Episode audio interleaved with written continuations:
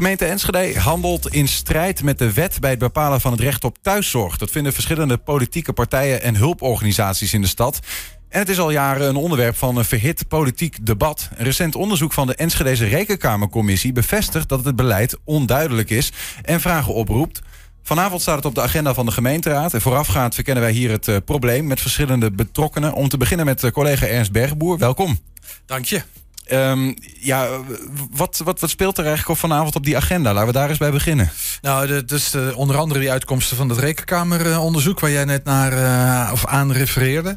En wat er eigenlijk speelt is, um, uh, is dat... Nou, als ik het even heel kort zeg... dat in het verleden werden thuiszorg, hulp in de huishouding werd in uren, dan kreeg je een beslissing, dus zoveel uren in de week krijg jij hulp. Mm -hmm. In 2015, 2016, die periode, is Enschede overgestapt naar een ander criterium. Niet meer in uren, maar je huis moet schoon en leefbaar zijn. Dat, uh, een ander, dat leverde een takenlijstje op van huishoudelijke taken. Zo vaak moet het bed verschoond, zo vaak de ramen gelapt. En dan is je huis schoon en leefbaar. Ja. Um, daar is uh, gerechtelijk gedoe over geweest. Uiteindelijk heeft de Centrale Raad van Beroep gezegd schoon en leefbaar. Dat is onvoldoende duidelijk. Er moeten ook uren bij. Er staan nu wel uren bij in die, uh, in die beslissingen daarop. Uh, maar is nog altijd heel erg onduidelijk. Niet te controleren voor ja. inwoners of ze, wel echt, of ze echt krijgen waar ze recht op hebben. Want dat leverde gedoe op, maar ik kan me voorstellen... als ik, ik heb geen hulp in de huishouding nodig, uh, nog in ieder geval. Ja, uh, maar dat ik liever een schoon en leefbaar huis heb... dan dat iemand een paar uur in mijn huis komt schoonmaken... want dan weet ik niet wat ik krijg. Nee, dat klopt. Alleen het punt is een beetje... het schoon en leefbaar is natuurlijk op je, een, een, een subjectief begrip. Uh, wat je in de praktijk hoort, goed, uh, Jan Veldhuizen die heeft daar bijvoorbeeld verhalen van. Maar ik heb ook verhalen op straat van mensen ben ik tegengekomen. Mm -hmm. Uh, die zeggen van ja, weet je, uh, ik, ik, heb best, ik heb last van astma, noem maar even wat. En um, in de tijd dat ik zelf nog kon stofzuigen, ja, zorg ik toch voor dat dat heel goed gestofzuigd was. Of de plantjes, ik had allemaal plantjes voor mijn ramen staan. Maar mijn thuiszorg heeft toch gezegd van nou, haal die plantjes weg. Want het kost te veel tijd om dan die vensterbanken. Ja, en dan kan, kan ik niet aan die opdracht schoon en leefbaar voldoen. En ik, dus, dus ja, ik, ja. ik, ik, ik ben best tevreden over okay. mijn thuishulp. Maar, en, en, en, maar ik, je kunt nergens controleren. Dat lukt mij ook niet als ik beslissingen mm -hmm. zie. Of nou uh, die, die, die, die, uren, of, die, die, die, of dat takenlijstje, of dat nou echt klopt met die uren en hoe dat nou zit.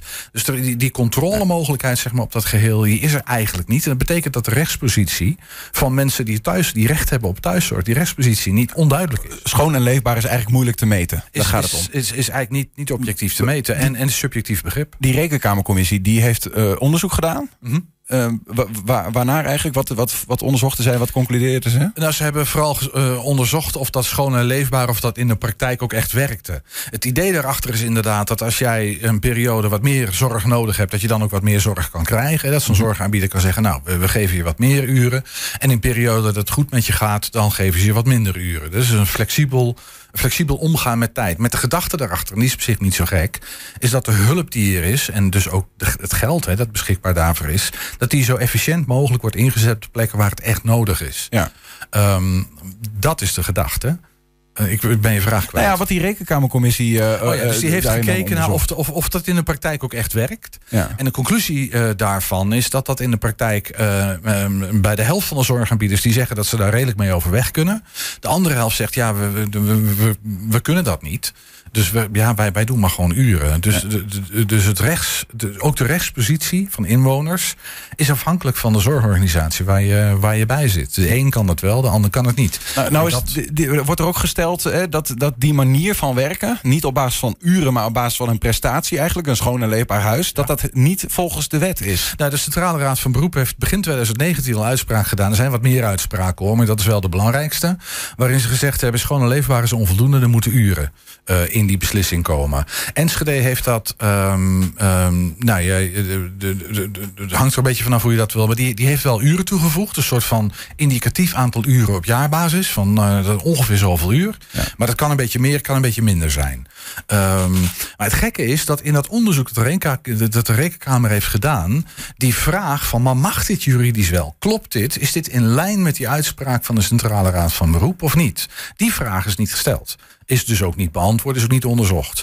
Dus er is wel onderzoek gedaan, maar de hamvraag uh, van mag dit eigenlijk wel juridisch? Mm -hmm. Klopt dit? Is ja. dit in lijn met die uitspraak? Die hamvraag is niet gesteld. De, door wie niet gesteld? Sorry? Door wie is die niet gesteld? Die is door de onderzoekers niet gesteld. En door de Van de Rekenkamercommissie? Ja, eh, de Rekenkamercommissie heeft uh, dat onderzoek uit handen gegeven. Berenschot heeft dat feitelijk gedaan. Ja. Uh, in de onderzoeksvraag is die vraag niet meegenomen. Dus ook niet onderzocht. Dus wel van werkt het of werkt het niet, maar, maar niet mag het eigenlijk wel zoals wij het doen. Precies. Wat is jouw inschatting?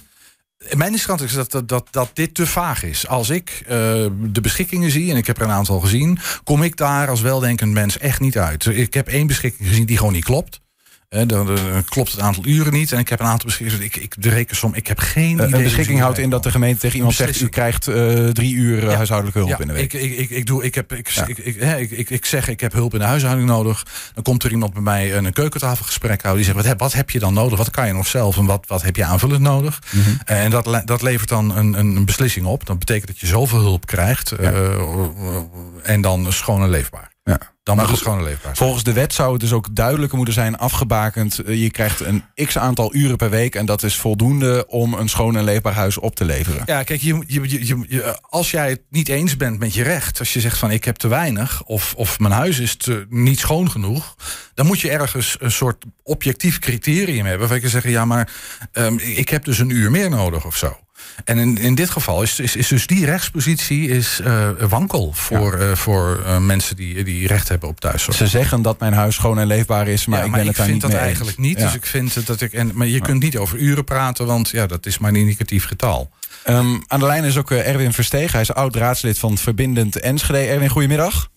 Goedemiddag. Erwin, je schreef zelf een uh, waarschuwingsbrief aan de huidige gemeenteraad van Enschede... waar je zelf uh, niet meer in, in deelneemt. Wat staat er in jouw brief? Nou, het was niet echt een uh, waarschuwingsbrief. Uh, het is, uh, ik heb afgelopen vrijdag kreeg ik um, een bericht van, van mensen dat er een memo na was gezonden door de verantwoordelijk wethouder. En op basis daarvan heb ik gisteren een brief ingestuurd. Um, wat ik daarvan vind. En op basis daarvan, op, op basis van die brief dus, ga ik vanavond inspreken. Je gaat vanavond zelf ook inspreken? Ja. Maar is er, is er, wat staat er in die memo dan, naar aanleiding jij, waarvan jij die brief hebt gestuurd? Van die memo van de wethouder? Ja. Nou, er staat heel veel in die memo wat gewoon niet klopt. Maar wat met name ook om gaat, is gewoon dat er gewoon nog steeds niet uh, de verantwoordelijkheid wordt genomen. En dat die gewoon afgeschoten wordt.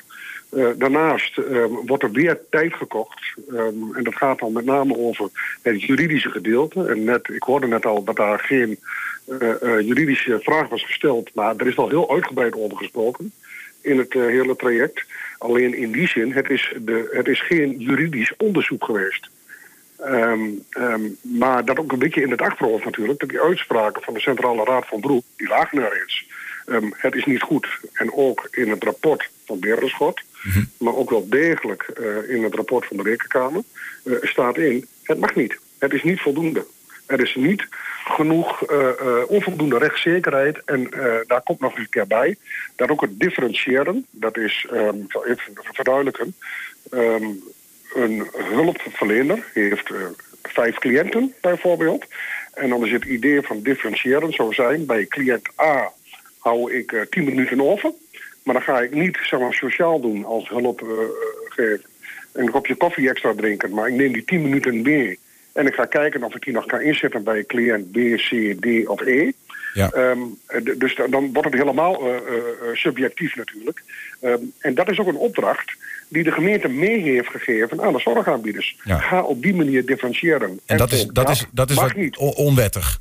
Uh, zeg je. Dat inderdaad mag ja, ook niet. Ja. Uh, maar Erwin, je gaat vanavond deze commissievergadering, je gaat uh, inspreken. Maar ja. in principe zitten daar ook gewoon gemeenteraadsleden die um, zelf hetzelfde als jij zouden kunnen vaststellen en tegen het college aan zouden kunnen houden, toch? Ben je bang dat de raad onvoldoende op de hoogte is?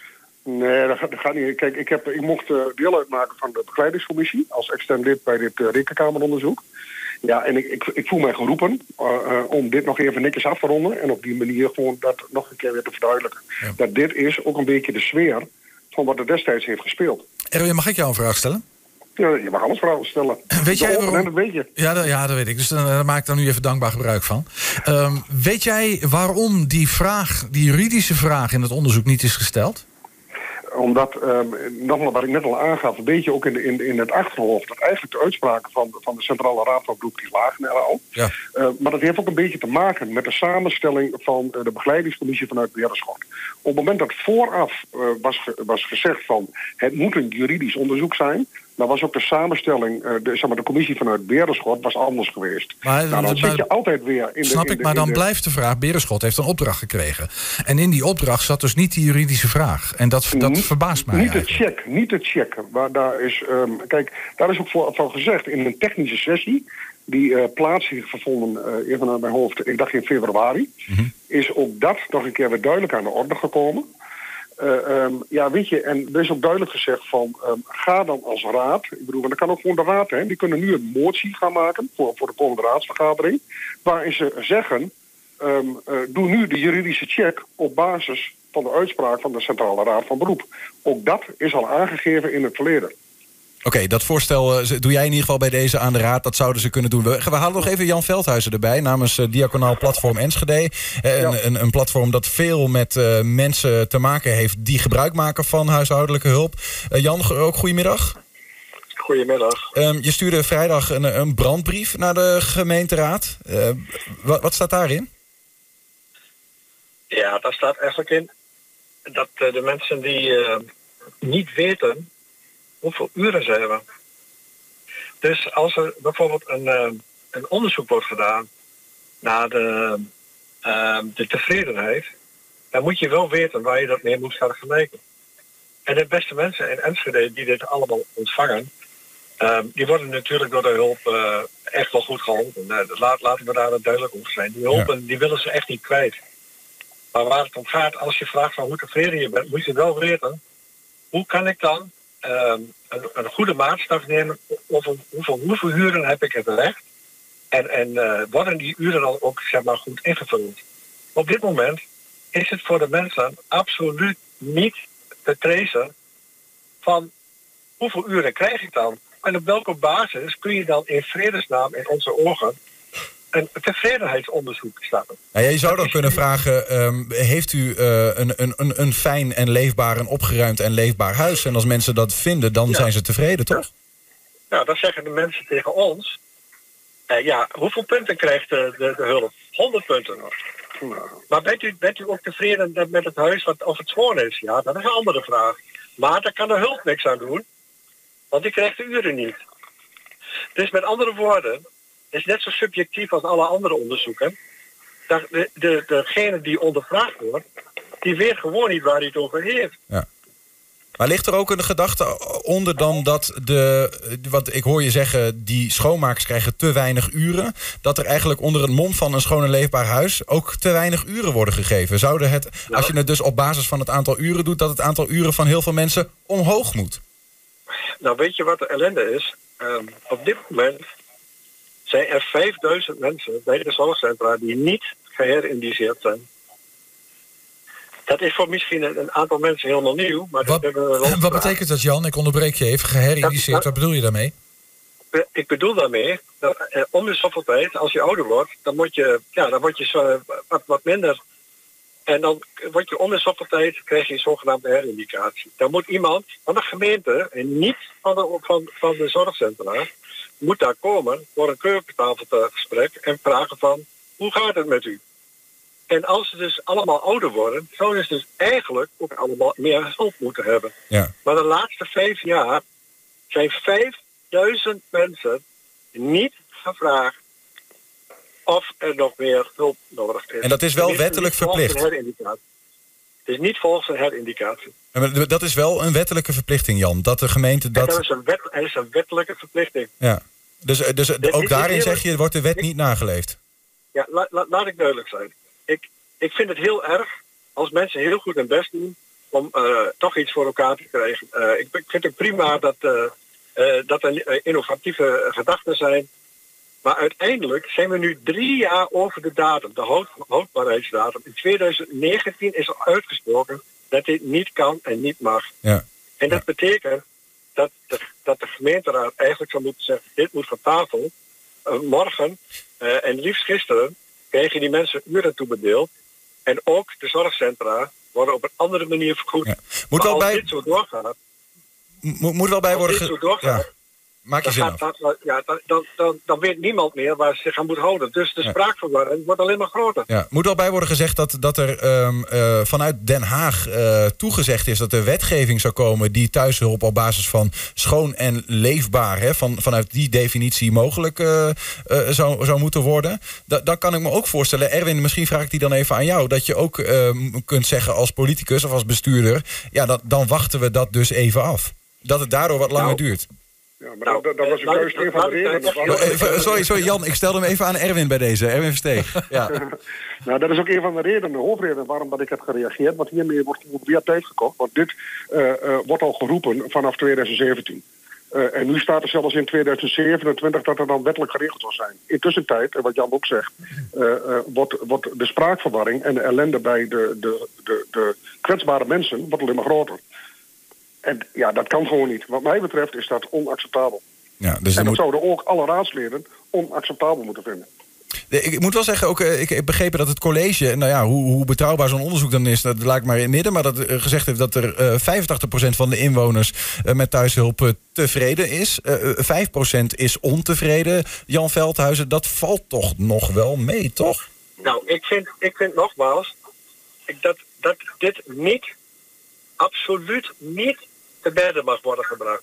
Waarom niet? Omdat die mensen geen rechtvaardig oordeel over hebben kunnen vellen, Nee. omdat ze niet wisten waar ze aan moesten toetsen. De toets is het urenaantal en niet of, of de, of de huishoudelijke hulp lief en aardig is. Nee, dat snap ik wel. Maar goed, weet je, ik, ik kan me voorstellen, maar goed, ik val een beetje in herhaling. Maar dat, eh, als je iemand een vraag zou stellen, eh, hoeveel uur eh, maakt de hulp bij u schoon? Dat is een andere vraag. Dat- Dan zou iemand kunnen zeggen, ja, hij of zij maakt inderdaad zoveel uur schoon. Maar het is een andere vraag als bent u tevreden? Dan mensen zeggen, ja, nou ja, ik ben wel tevreden. 85% zegt dat blijkbaar. Ja, maar als ik, die mensen, als ik die mensen zou vertellen dat ze op een elektrische fiets zouden kunnen fietsen, in plaats van op een fiets waar ze zelf op moeten doortrappen, Ja.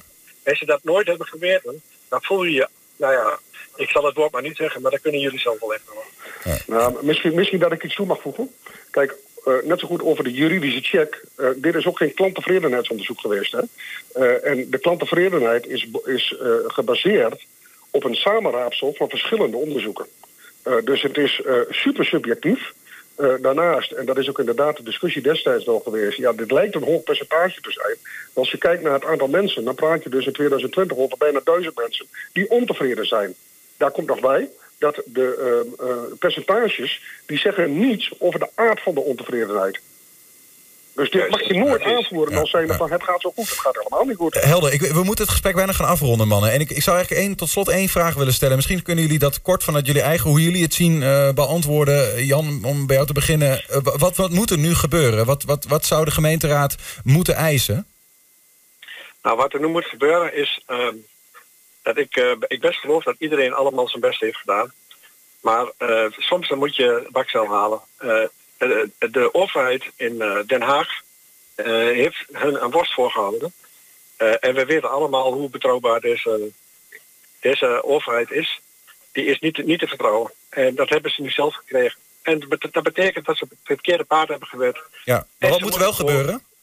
En ze, moet, en ze moeten nu gewoon uren uitschrijven en het gewoon met de zorgcentra regelen op de manier zoals het staat in het arrest van Ja. de uh, Centrale Raad van Beroep. Helder, dus, dus op basis van een eh, vast urenaantal... en dat urenaantal moet, moet kloppen bij de, bij de juiste indicatie, hoor ik eigenlijk. Ja, Ja, ook ehm, zoals andere gemeenten dat doen. Eh, Erwin, wa- wa- wat jou betreft? Ja, helemaal eens. Je moet je gewoon aan de uitspraak van, eh, van de Centrale Raad van Beroep houden. Dat is de uitspraak en daar heb je je gewoon aan te houden. En mocht er nog getwijfel zijn, ja, dan kun je gaan zeggen van doe een motie zoals we net al aanhaalden. Over een juridische check, dat kan allemaal prima. Maar kost alleen maar meer tijd. Hou je gewoon aan de uitspraak van de rechter. Nog iets toevoegen, Ernst? Of, eh? Nee, ik, helder denk ik. Eh, ik. Ik weet dat het Diaconaal Platform eh, heeft gevraagd ehm, om betrokken te zijn bij beleidsvoorstellen, ook vanuit het college, om mee te denken. En ik begrijp ook uit de brief die Jan Veldhuis heeft gestuurd, maar als ik het verkeerd heb, Jan, dan corrigeer je me maar, is dat dat ook niet echt gebeurd is. Hè? Dus dat het college toch weer Nee. een eigen koers vaart. Ehm, Ja. Dus ik ben benieuwd wat er vanavond gaat gebeuren. Ik ben erbij, dus ik eh, zal er wel verslag van doen. Wordt vervolgd. Oké, doei doei. We gaan het eh, terug kunnen lezen allemaal. Jan Veldhuis, eh, Erwin Verstegen en eh, Ernst Berghoe. Dank jullie wel. En eh, nou ja, later terug te lezen. Joep.